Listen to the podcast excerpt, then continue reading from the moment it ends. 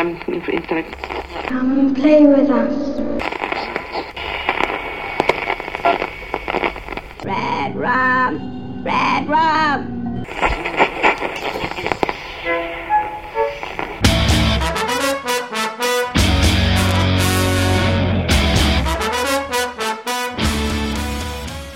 Witamy serdecznie w 225 odcinku podcastu Radio SK. Dzisiaj jest ze mną gość, jest ze mną Rafał Siciński, czyli Sik. Witam Ciebie, Sik. Cześć. Bardzo mi miło drugi raz gościć u Ciebie.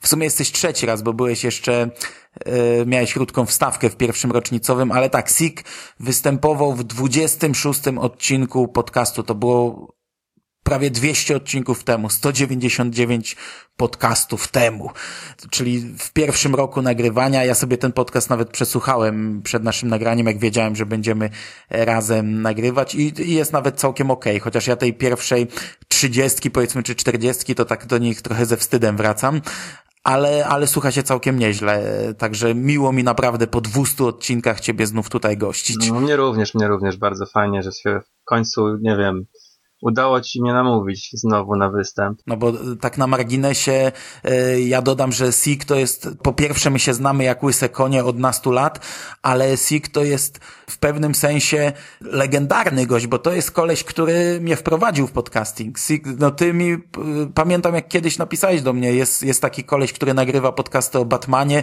wytłumaczyłeś mi czym jest podcast w ogóle, no i, no, no i, tak, tak. No i tak to się skończyło, że ja od pięciu lat siedzę i nagrywam, a ta, ty kurde nic nie robisz.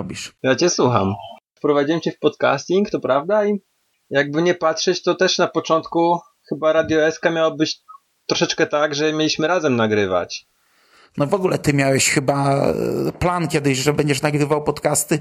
No. I, no i tak jakoś się skończyło, że, jakoś, że nie nagrywasz. Że nie nagrywam, no. Znaczy, no wiesz, no, ty pytasz się, że nic nie robię. Ja słucham ciebie cały czas i słucham Skóry i te wasze horrorowe w kombinacie audycje ten podcast karpiowy słucham, więc to nie jest tak, że gdzieś tam godaja przede wszystkim cały czas. Natomiast rzeczywiście, no nie nagrywam, wydaje mi się, że jeżeli coś robić, to robić dobrze.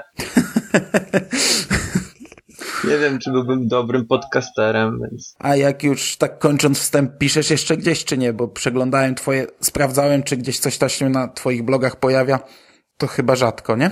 To znaczy, był taki, mój blog ten taki kulturalny, to tak dosyć sporą regularność złapałem w zeszłym roku na początku. I się nawet trzymałem, żeby jakieś tam jeden wpis tygodniowo się pojawiał. I to nie był jakiś taki głupi wpis, tylko e, coś tam więcej chciałem powiedzieć. Natomiast gdzieś tak od pół roku, no nic nie piszę, raczej jestem tylko skupiony na pochłanianiu wszelkiego rodzaju jakichś tam, wiesz, filmów, gier, książek i komiksów i to starczy mi na razie. No, no też chyba też za dużo mądrego nie mam do powiedzenia w tej chwili.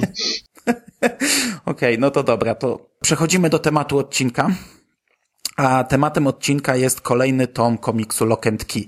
Ja sobie założyłem, że każdy kolejny tom będę omawiał z, z innym rozmówcą, żeby jakaś taka... Mm, jakaś taka różnorodność do tego została wprowadzana. Do tej pory udawało mi się skutecznie zagadać rozmówców. A mnie wybrałeś do najgorszej części. No, no a, a, no to za chwilę, za chwilę sobie pogadamy, czy takiej najgorszej, bo ja mam chyba trochę odmienne zdanie. No to dobrze. Ale dobra, to w ramach wstępu ja zawsze zaczynam od, od takiego porównania z amerykańskim wydaniem i tym razem wypadamy całkiem nieźle, bo zazwyczaj zaczynam od krytyki tego, że brakuje w naszym wydaniu wstępu, a tym razem nie będzie tej krytyki, bo w amerykańskim wydaniu od czwartego tomu nie ma już wstępów, więc, więc to możemy sobie pominąć. Druga rzecz, bo ja się ogólnie w tych podcastach zawsze powtarzam, więc troszeczkę teraz będzie takiego powtarzania się. Za każdym razem krytykowałem to, że y, nie są jakoś wyróżnione kolejne rozdziały, że to jest takie zrobione, zbite w jedną całość. No tutaj tego nie ma. Tutaj y, do tego przejdziemy za chwilę. Każdy zeszyt jest zupełnie inny, więc y, musiały być takie karty rozdzielające kolejne rozdziały i to są okładki zeszytowe i jest super pod tym względem. Trzecia rzecz to I wreszcie jest to, na co ja narzekałem od samego początku, czyli mamy tutaj bardzo dużo kluczy, i do tej pory Taurus Media wymazywało te informacje, skąd te klucze pochodzą, że one są tam z dziennika e, jakiegoś loka, któregoś z rodziny loków z tego i tego roku.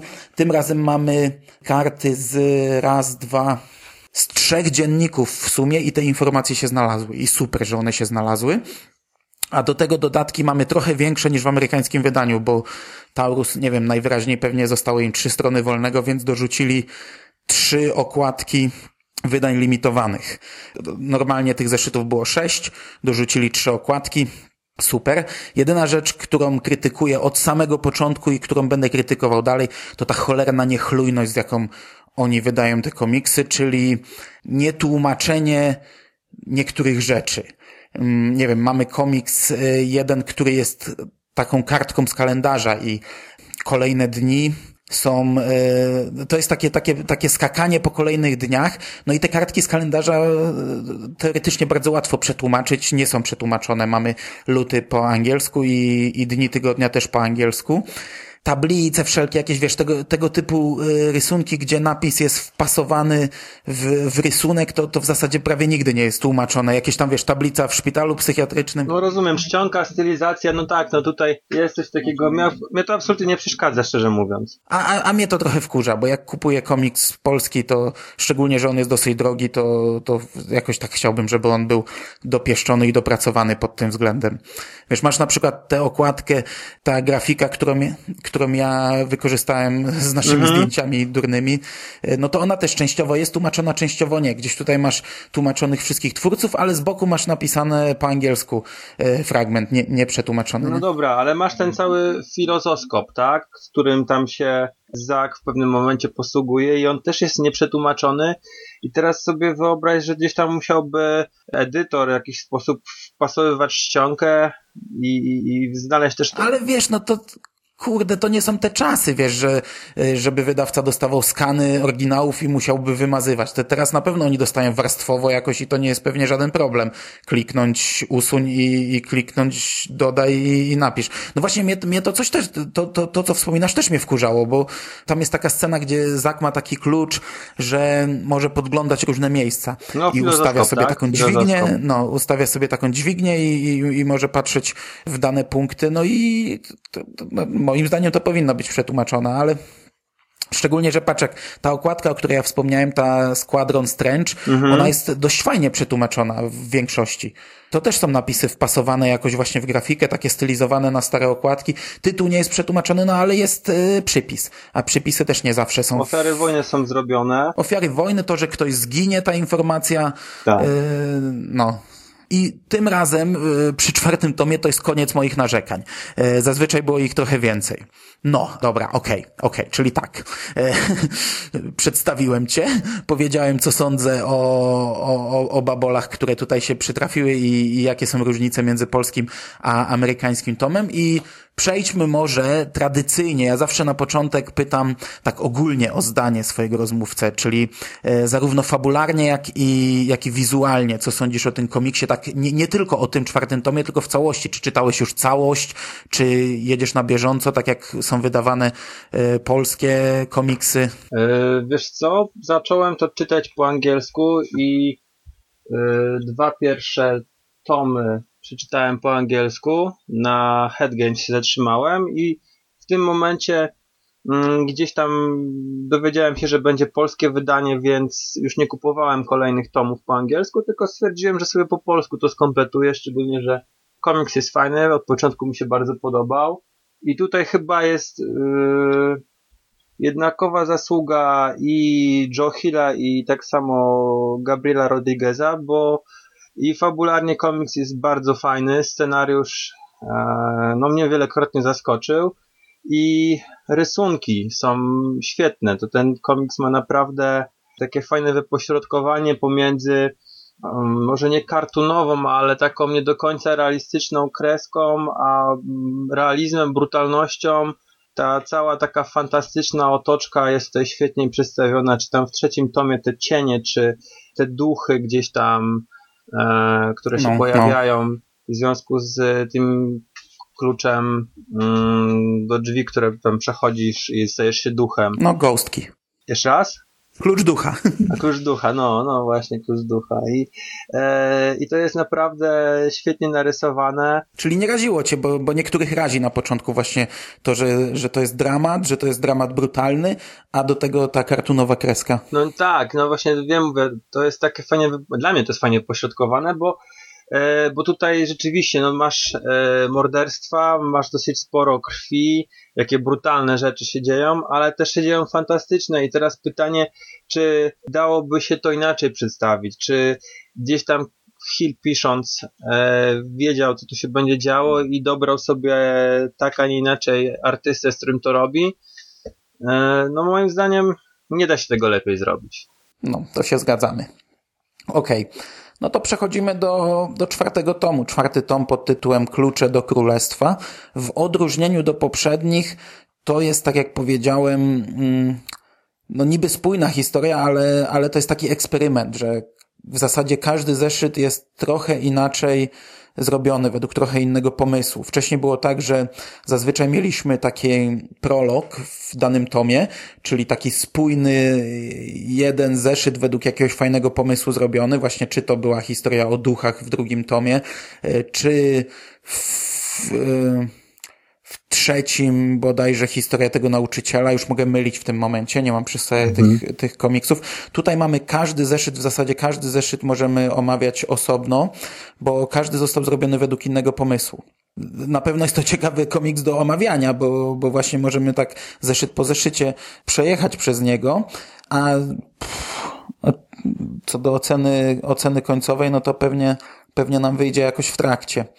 Okej, okay, no to no to jedziemy, tak? Mhm, no wróbel. Zaczynamy od wróbla, który jest tak według mnie stylizowany na mm, serię pasków komiksowych Calvin i Hobbes, rysowaną przez 10 lat przez Billa Watersona. Nie wiem, czy kojarzysz Calvina i Hobbesa, oni się pojawiali u nas, były wydawane, były w zbiorczych wydaniach, myślę, że w jakichś gazetach też się pojawiały. To jest młody chłopaszek z tygryskiem, pluszowym, który w jego oczach żyje i tutaj pierwsza już plansza to jest spore odejście od typowej kreski Rodrigueza. Później mamy trochę jego tradycyjnych mm, plansz i znowu kolejne dwie gdzieś tam właśnie w takiej kresce zupełnie innej. Powiem szczerze, ciężki, ciężki, e, ciężki rozdział. Ciężko się było wbić. Znaczy on jest dziwny właśnie, no bo bo tak jak mówisz, e, to jest stylizowane na taki tego typu komiks. Mamy, mamy każdą stronę y, zrobioną w pasek komiksowy, pionowy, po cztery y, równe kadry, plus jakieś tło. I, i to jest ciekawy zabieg. Czasami, wiesz, tak jak to właśnie przy rysunkach Rodrigueza, to tło robi wrażenie, bo to tło często ma bardzo dużo szczegółów, jakichś właśnie też makabrycznych i tak dalej. Natomiast rysunki, ja trochę nie kumam koncepcji, bo właśnie niektóre strony są rysowane tak mocno yy, kreskówkowo, tak właśnie jak jakieś fistaszki, czy, to, czy, czy ten komiks, o którym wspomniałeś, a niektóre to jest taka normalna kreska yy, Rodrigueza i nie bardzo łapie, yy, jaki był zamysł, dlaczego raz jest tak, raz jest tak, e, tak, tak nie do końca. To znaczy, wiesz co, tutaj jest ta różnica, że może chodzi o to, że część z komiksu jest z perspektywy Bouda, tak? Kurde, ja o tym myślałem czytając, a teraz kartkuję i widzę, że to jest oczywiste. Faktycznie a sceny, część jest w których... z jego z perspektywy Taylora i Kinsey, tak? Więc no, może... No. Może dlatego też tak to wygląda, że gdzieś tam jak te wróble atakują i wśród nich jest Bolt, to wygląda to rzeczywiście jak kreskówka, natomiast zaraz jak się jest na ziemi, no to mamy tutaj totalną rzeźnię i te psy rozrywają te ptaki na, na, na, na strzępy i ta krew wszędzie jest po prostu i to zupełnie różni się od tego, co widzimy dwie plansze dalej, czyli wróbelki leżące w takich hełmach z goglami i z krzyżykami zamiast oczu, nie? Mhm. Ale to dokładnie jest tak, jak mówisz, to jak ja tu głupotę palnąłem, bo ja nawet się zastanawiałem, czy to tak właśnie nie jest taki zamysł, ale wiesz, e, skupiłem się bardziej właśnie na e, Tylerze i Kinsley i, i, i widziałem, że oni raz są rysowani naturalnie, a raz bajkowo, a, a, a nie skupiłem się chyba na samym Bołdzie, bo właśnie te strony, na której znajduje się Bołd i nieważne kto jest wkoło niego, to są rysowane kartunowo, a jeśli Bołdiego nie ma, to właśnie pozostałe postacie są normalnie, czyli to taki zabieg. Natomiast sam komiks wprowadza nam bo w ogóle ten tom wprowadza masę kluczy. Tak jak sam tytuł wskazuje, klucze do królestwa i w zasadzie każdy kolejny zeszyt będzie wprowadzał jeden albo i więcej kluczy.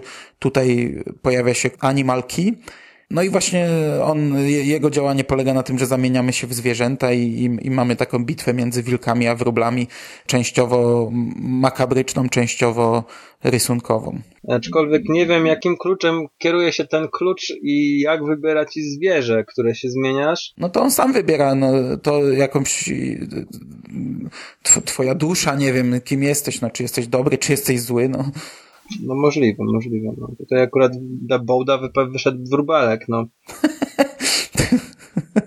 no. To. Dobra, przejdźmy do następnego, bo tutaj już chyba wystarczająco powiedzieliśmy. No, to też jest takie, że to takie wprowadzenie, że e, o ile dobrze kojarzę, to w koniec trzeciego tomu i w rozbitej urnie ojca Tylera Kinsey i Bowda znaleziono został klucz Omega. Tutaj jest taki chyba zamysł właściwie całego tomu, że y, Zack, czy tam Dodge, y, będzie próbował w jakiś sposób wymusić oddanie tego klucza. O, właśnie, jeszcze jest jedna rzecz, która mi się przypomniało, która, którą pominęliśmy. Jest tak w trakcie mm, rozdziału, mm, Zack dostaje w głowę śnieżką i jest taka wizja, w której on morduje, Kinsey morduje yy, Bowda. Kojarzysz? Tutaj zagryza mhm. Kinsey, wyrywa jej chyba oczy tam. Mhm, mhm, I tutaj właśnie jeszcze to mi się tak nie do końca podobało, ponieważ o ile ten komiks jest bardziej tu i teraz, tutaj nie masz jakichś takich fantazjowania czy coś takiego, nagle mamy zupełnie oderwaną planszę od reszty, gdzieś tam właśnie Zak trzyma klucz Omega i go dostaje właśnie od Taylora, o ile dobrze kojarzę. I właśnie ta plansza w ogóle nie pasuje do całej reszty. Zaraz później znowu mamy zmianę na, ten, na tą kartunową taką część. E, no i do czego zmierzam? Właśnie cały komiks to jest takie preludium. Cały komiks, całe, całe klucze do królestwa są o tym, że Dodge próbuje ten klucz Omega w jakiś sposób odzyskać od rodziny loków. Tak jest, no, no, Zak zmierza do tego, żeby właśnie zdobyć ten klucz, natomiast przechodzimy już do drugiego zeszytu? Tak, tak, no bo tutaj ta fantazja jego na temat tego, że on dostaje ten klucz jest zaraz na początku i myślę, że każdy kolejny gdzieś tam go przybliży do tego, więc mówimy o mhm. białym teraz. Drugi zeszyt biały to jest coś, co to jest świetny komiks w momencie, gdy masz przeczytany już następny tom, bo on ja nie wiem na ile, nie pamiętam trochę wrażeń ze swojej pierwszej lektury, yy, nie wiem na ile on jest tak do końca zrozumiały w momencie, gdy nie znasz pełnej historii tej postaci, bo my tutaj mamy bohaterkę, która przebywa w szpitalu yy, dla chorych umysłowo i ona jest jakaś dziwna, no ona, ona mówi tylko biały, niby rozpoznaje jakoś e, tego młodego Tylera Locka, niby rozpoznaje dzieci, ale sam komiks nam niewiele o tej postaci mówi. To jest jedna z bohaterek, która brała udział w spektaklu tym, e, w którym, mhm. którym cała ta ekipa z poprzedniego pokolenia brała udział. To jest jedna z bohaterek, która zeszła wtedy z nimi do tej groty w skale, a cały komiks, on znów jest troszeczkę inaczej skonstruowany, bo tak jak sam tytuł nam mówi, biały. I tutaj mamy takie przejścia pomiędzy scenami, właśnie takie rozjaśniające się, to znaczy takie przejścia z białego w rysunek i potem z rysunków w białe, czyli to znów jest taka trochę zabawa rysunkiem, ale właśnie nie wiem na ile sam komiks, sam zeszyt jest zrozumiały bez pełnej historii, bo ta historia się tak naprawdę zakończy dopiero w następnym tomie i z tego co pamiętam zakończy się świetnie. Dlatego ja ten komiks, wiesz, już tak, dla mnie to, to jest taki, taki super smaczek czegoś, co, co wiem jak się potoczy, nie? Dla mnie paradoksalnie to jest chyba najlepszy rozdział w tym tomie, a to dlatego, że on jest trochę przewrotny i też tak jak ten wcześniejszy, yy, chyba drugi tom był troszeczkę taki społeczny, porusza jakieś tam istotne rzeczy związane z homoseksualizmem, to ten porusza taki problem rasizmu i takiego e, no właśnie w dość przewrotny sposób. Ona krzyczy cały czas biały, biały, co jest interpretowane, że jest jakąś taką pieprzniętą rasistką, która czepia się białych ludzi. Natomiast y, później dochodzi do, do tego, że Kinsey otwiera jej głowę i tam jest po prostu biel, wypełniając całkowicie. Nie ma nic, jest całkowicie wyczyszczona.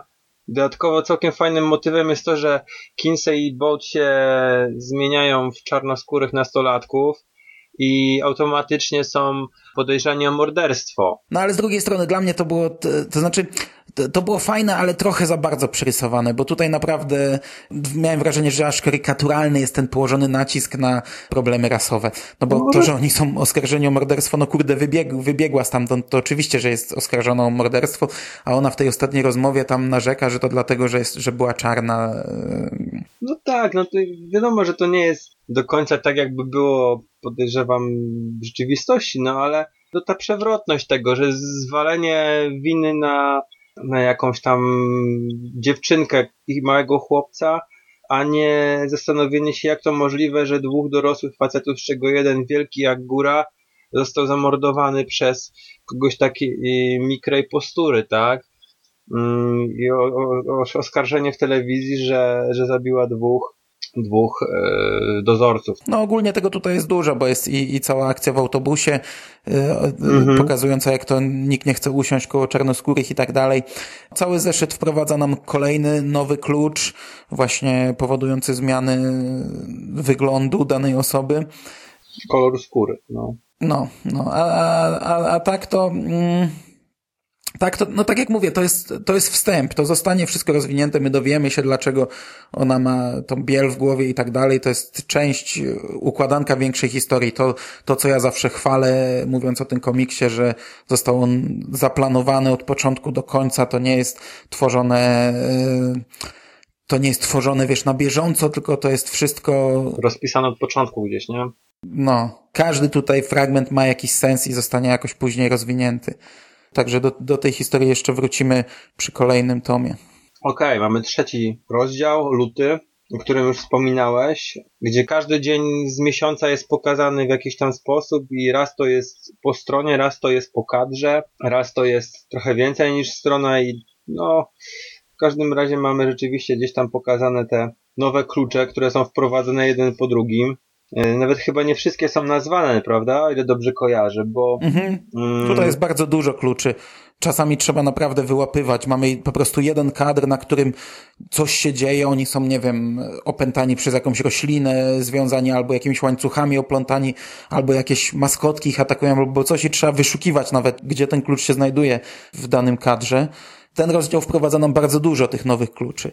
Jest pozytywka, jest jakiś klucz y, skrzydeł anioła, E, jest klucz, e, który gdzieś tam wiewiórki atakują cię, rzeczywiście jest pozytywka, która jeszcze się później pojawi, bo to w sumie z tych wszystkich, które zostały pokazane, to może być chyba najciekawszy klucz tej pozytywki, która mm, powtarza jakieś tam twoje polecenie i w związku z tym musisz wykonywać to, co ta pozytywka mówi. Klucz skrzydeł anioła już się pojawił wcześniej, bo ja o tym mówiłem, jak chyba omawiałem przy trzecim tomie chyba, albo przy, nie, przy drugim, jak jest kadr, taki wielki dwustronnicowy kadr właśnie z tego teatru był. I mówiłem, że tam, że tam na, w tym jednym kadrze widać pięć kluczy bodajże. I właśnie tam były i cienie, i skrzydła, i, i inne rzeczy, i, i teraz do tego wracamy. Teraz one się pojawiają po raz kolejny gdzieś tam, nie? Co ciekawe, w ogóle taka dygresja, jest to luty 2012 roku, czyli miesiąc przestępny, to teraz się idealnie wpasowaliśmy z omówieniem tego komiksu. No tak. Bo teraz też mamy luty, który ma 29 dni, nie? Tylko szkoda, że śniegu nie ma, bo tak to już w ogóle komiks by ładnie pasował do... No u mnie był jeszcze wczoraj śnieg. Szedłem, wracałem w nocy i jeszcze trochę tego śniegu było na ulicach. Jest też całkiem sporo w lutym tego klucza głowy, który Kinsey jakoś tak wykorzystuje zupełnie bez e, pomyślunku. No na skutek tego, że wyjęła sobie strach i, i że wyjęła sobie te, te No tak, tak, E, że jakąś tam rozwagę. dwa Tak. potworki mm, odpowiedzialne za, za strach i płacz, no i, i robi y, rzeczy takie nie, nie do końca przemyślane i, i, i zgodne z logiką. I właśnie przez to w lutym, oprócz tego, że mamy wprowadzonych mnóstwo kluczy, oprócz tego, że mamy takie kadry z akcją, jest też trochę takich dramatów właśnie y, wśród naszych bohaterów. Rozpadają się jakieś przyjaźnie, rozpadają się związki i tak dalej. To, No tak, to wszystko Jordan, jest... Jordan zdradza tutaj Tylera, w związku z tym, że Tyler jest za fajnym gościem, to gdzieś ona tam go chce ukarać za to. Kinsey rozbija przyjaźń tych swoich kumpli, z którymi była w tej, zamknięta w tej grocie. No i gdzieś tam sobie każdy próbuje jakoś z tym wszystkim radzić. No o ile Kinsey to tak chyba bardzo to tak nie dotyka, o tyle e, chyba najgorzej znosi to Tyler, który gdzieś tam wyżywa się na, na lodowisku i i gdzieś z tego od całego towarzystwa się zaczyna wycofywać i staje się odludkiem. Mhm. Co ciekawe, na lodowisku y, mierzy się z drużyną liceum y, Warhis, Warhis Tak, Warhis, którzy no. są y, w maskach y, no, hokejowych, no ale wykorzystanych wcześniej przez Jasona Tak. Warhisa, nie? I mają rekina w logo. To też No, jest, rekina, no. no, to, to, to, to naprawdę fajne, fajne ten nawiązanie. Yy, no dobra. I tutaj teraz odcinek z Dziwny Szwadron, Squadron Strange, który tam gdzieś e, grafika promująca odcinek jest zaczerpnięta. No, po polsku Ofiary Wojny, grafika stylizowana na taki stary komiks, a cały rozdział znów troszeczkę inaczej przedstawiony, bo widzimy go oczami mm, tego chłopca, którym opiekuje się ta WF-istka, kurde, nie pamiętam imion. Yy, chłopak ma na imię mm, Rufus. No, oczami Rufusa, lekko nie do końca sprawnego na umyśle chłopca. Także ten komiks też jest troszeczkę inaczej wygląda w momencie, gdy oni się bawią tymi swoimi żołnierzykami, to widzimy taką pełną y, szczegółów, bitwę dinozaurów, robotów, żołnierzy i tak dalej. Również po dłuższej przerwie pojawia się duch y, sama Lesera, który oprowadza Rufusa, który opowiada Rufusowi o Zaku, no ale biorąc pod uwagę to, że Rufus y, ma, ma taki trochę urwany kontakt z rzeczywistością, no to potem ciężko mu przekazać te myśli innym bohaterom. No, to komiks, który jest kolejną jakąś tam układanką, kolejnym elementem, jakimś tam drobnym y, tej większej układanki tak naprawdę. To jest kolejny raz jakieś tam pokazane są, no ile się nie mylę, ta komora cieni, tak, której, które się e, w trzecim tomie mm, te cienie Mhm, pojawiły, ten klucz cieni. Jest też pokazana jakaś taka instalacja, urządzenie, które ma służyć wypompowaniu wody z, spod domu, z tej groty, której poprzednio byli nasi bohaterowie uwięzieni i dotarcia do tych y, drzwi otwieranych przez klucz Omega. I z ciekawszych rzeczy to widać, że sam ma jakiś tam dosyć y, rozbudowany plan pokonania istoty, która gdzieś tam opanowała wcześniej ciało Dodge'a, a teraz który o sobie Zack i, i, i- i chce go w jakiś tam sposób albo opanować, albo zmusić kogoś, żeby go zabił. Ale y, z ciekawszych rzeczy to tutaj jest pokazany ten klucz do filozoskopu, y, o którym na początku wspomnieliśmy i w zasadzie to poza tym, że Zack się znowu schodzi z Kinsey, to ach, no i ostatnia strona epilog, gdzie budzi się kochanek, e, czy tam partner życiowy brata Randala Locke. Mhm. Duncan. I, I po przebudzeniu tam mówi coś, co jakoś tam pcha nam akcję dalej do przodu, bo, bo wyjawia pewną tajemnicę. Dokładnie. Gdzieś tam się dowiadujemy, że była trzecia osoba z bronią w domu. No i ostatni tom, czyli Detektywi, chyba to jest yy, dwuodcinkowy. Yy, Dwuzeszytowa historia, tak. tak, która już tam w jakiś sposób nakreśla, że yy, i, i, i Tyler e, do, do, domyśla się i detektyw, który tam prowadzi to śledztwo, domyślają się, że za sprawą śmierci profesora Ridgwaya był Zak, znaczy stał Zak, który właśnie gdzieś tam w tym czasie, mm, który minął od, od yy, czytania poprzednich tomów, a zawsze staram się gdzieś tam wziąć to do ręki i przejrzeć i tak też było ostatnio, nie do końca kojarzę, bo Zak jest też chyba nazywany, o ile dobrze kojarzę, Dodge'em i jest jeszcze Lukasem. A to się wyjaśni trochę później. Czy on tam ma trzy... To się wyjaśni trochę później. Aha, czyli mhm. będzie to To się tam... wyjaśni wszystko, bo cała historia tej postaci jest, yy, będzie w kolejnym tomie. To jest świetna historia, naprawdę. I to się wyjaśni, dlaczego on czasami jest Lukasem, czasami Dodge'em, a obecnie Zakiem. Rozumiem. No to trzecia, ostatnia, ostatnia, ostatnia część komiksu jest poświęcona temu, jak na trop Zaka wpada Tyler i taka całkiem fajna konfrontacja z nim. Ta historia detektywi, ta dwuzeszytowa historia pcha nam akcję bardzo mocno do przodu. Ona wprowadza dużo zwrotów akcji. Tutaj sporo postaci ginie, inne będą no, zmienione w jakiś sposób, ponieważ posiadły pewną wiedzę i tak dalej w następnym tomie, także ten komiks yy, wywraca nam pewne rzeczy i, i na pewno robi jakiś dosyć duży krok do przodu, a całe ogranicza się właśnie, tak jak mówiłeś, do tego, że powoli nasi bohaterowie odkrywają, y, że to Zak stoi za tym wszystkim i, i dochodzi do, do pewnej konfrontacji pod koniec między i bohaterami, i samem, i detektywem, i, i Randalem, tutaj w zasadzie i, i, i Bowdim, tutaj wszyscy w zasadzie biorą w tym udział, i, i, i Kingsley. No, tak, tak, także, także ta historia nam wywraca to dość mocno. I tutaj już ciężko coś więcej mówić, żeby jakichś takich poważniejszych spoilerów nie rzucić. To prawda.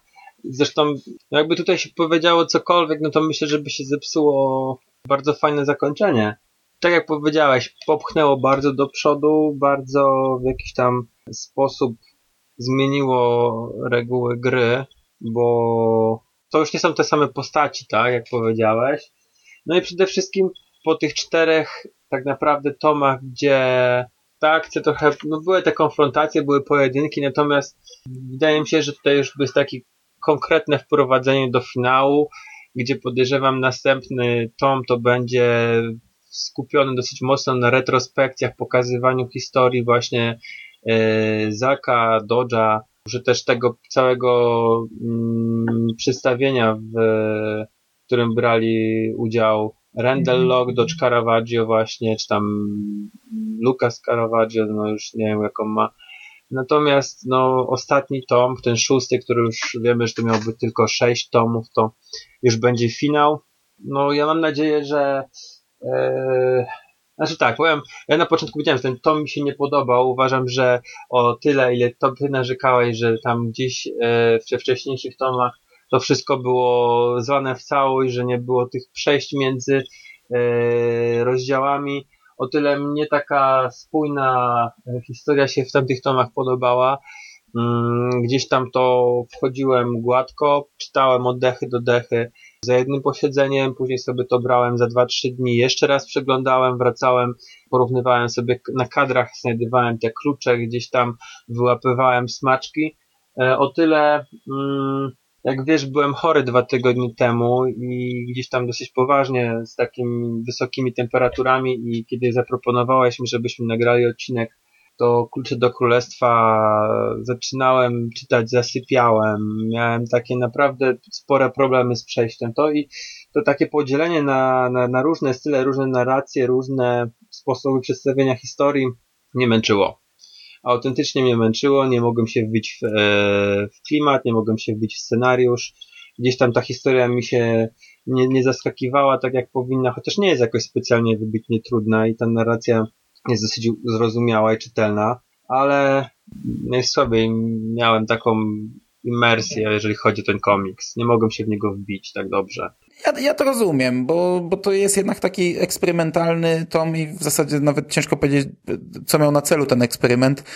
Gdyby to wydać w jakimś omnibusie, to, to by był taki taki wybijający środek w zasadzie, no bo, bo tak jak mówisz, no wcześniej to, to było tak, że może i mieliśmy jakieś oddzielone prologi, jakieś oddzielone epilogi, ale tak przynajmniej taka silna czterozeszytówka zawsze była y, spójną historią, którą, przez którą się płynęło, przez którą czasami w zasadzie nawet ciężko było zobaczyć y, gdzie się dany zeszyt kończy, a gdzie zaczyna. W pierwszym tomie mieliśmy lekki taki podział, że na samym początku każdy zeszyt był o innej postaci i bardziej się skupiał na przykład jeden zeszyt na Kinsley, drugi na Tylerze, trzeci na, na Bowdzie i tak dalej i tam bez tego rozdzielenia stronami to tak leciutko czasami zgrzytało, bo, bo, bo, bo było widać, wiesz, to, że mhm. przechodzisz z jednego komiksu do drugiego, no ale tutaj to mamy bardzo silnie. Tutaj to czytasz w zasadzie rozdziałami. No kończysz rozdział i jakbyś wbijał się w coś nowego, nie? Nie, nie ma tej płynności. Ja się zgadzam. To się może podobać, może nie podobać.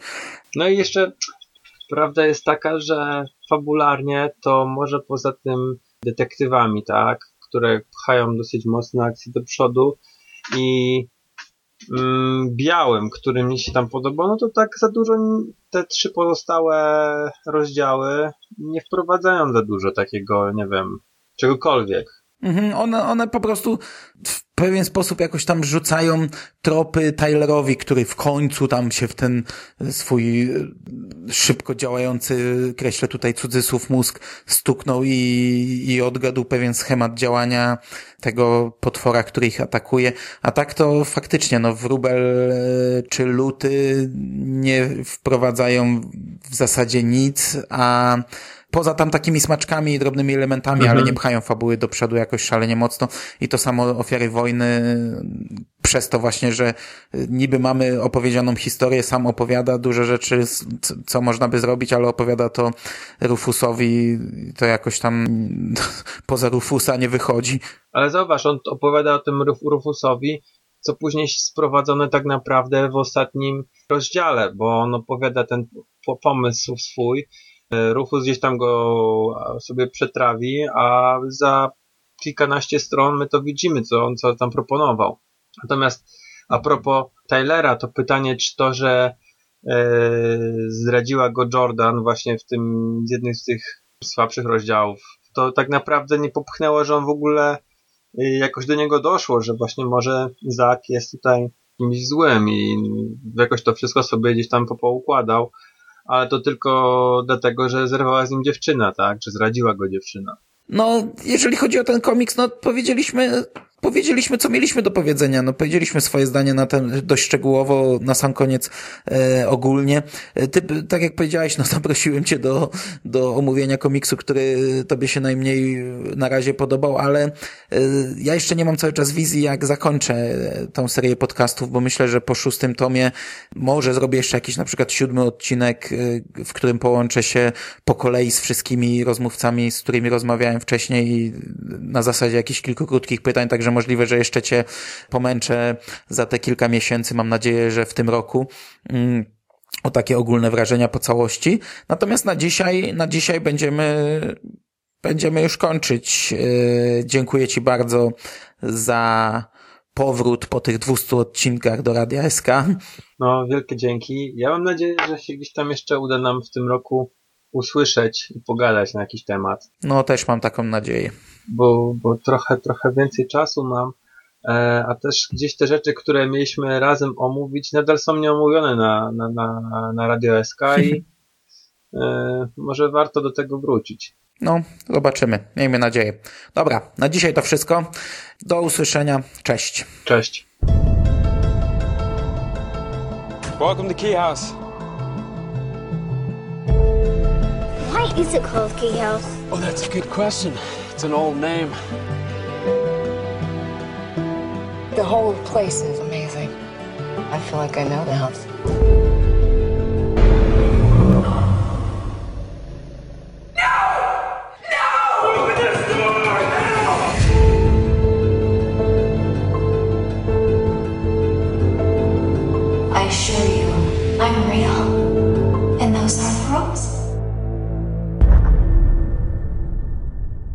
Okej. Okay. No to przechodzimy do, do czwartego tomu. Czwarty tom pod tytułem Klucze Królestwa. E, w odróżnieniu do poprzednich... Klucze do Królestwa. czwarty tom pod tytułem Klucze do Królestwa. To zaczynamy, tak? Mam nadzieję, że będzie mnie dobrze słychać. Zatem przesunąłem się zresztą już dosyć blisko mikrofonu. Ja cię słyszę super, jak, jak wiesz, jak tak się będzie nagrywać, to będzie okej. Wiesz co, wiesz co, bo mam piwo jedno, jeszcze mam dwa w lodówce, to tak jeszcze można robić przerwy, nie? Nie ma, nie No, ma. no. Dobra. Dobra, dobra, to zaczynamy.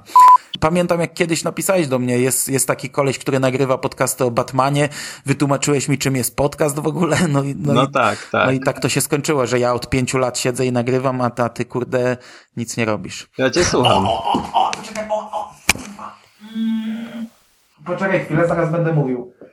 O Co jest? kurwa, Co się stało? poczekaj, w plecach mi łupnęło.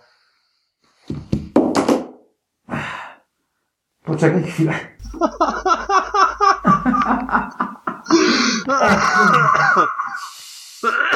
O kurwa. O, ja pierdolę, zaraz będę mówił.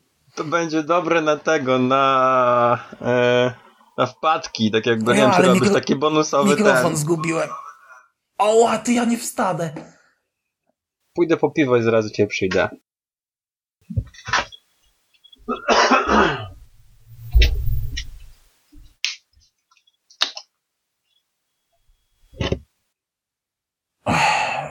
Poczekaj, zaraz będę.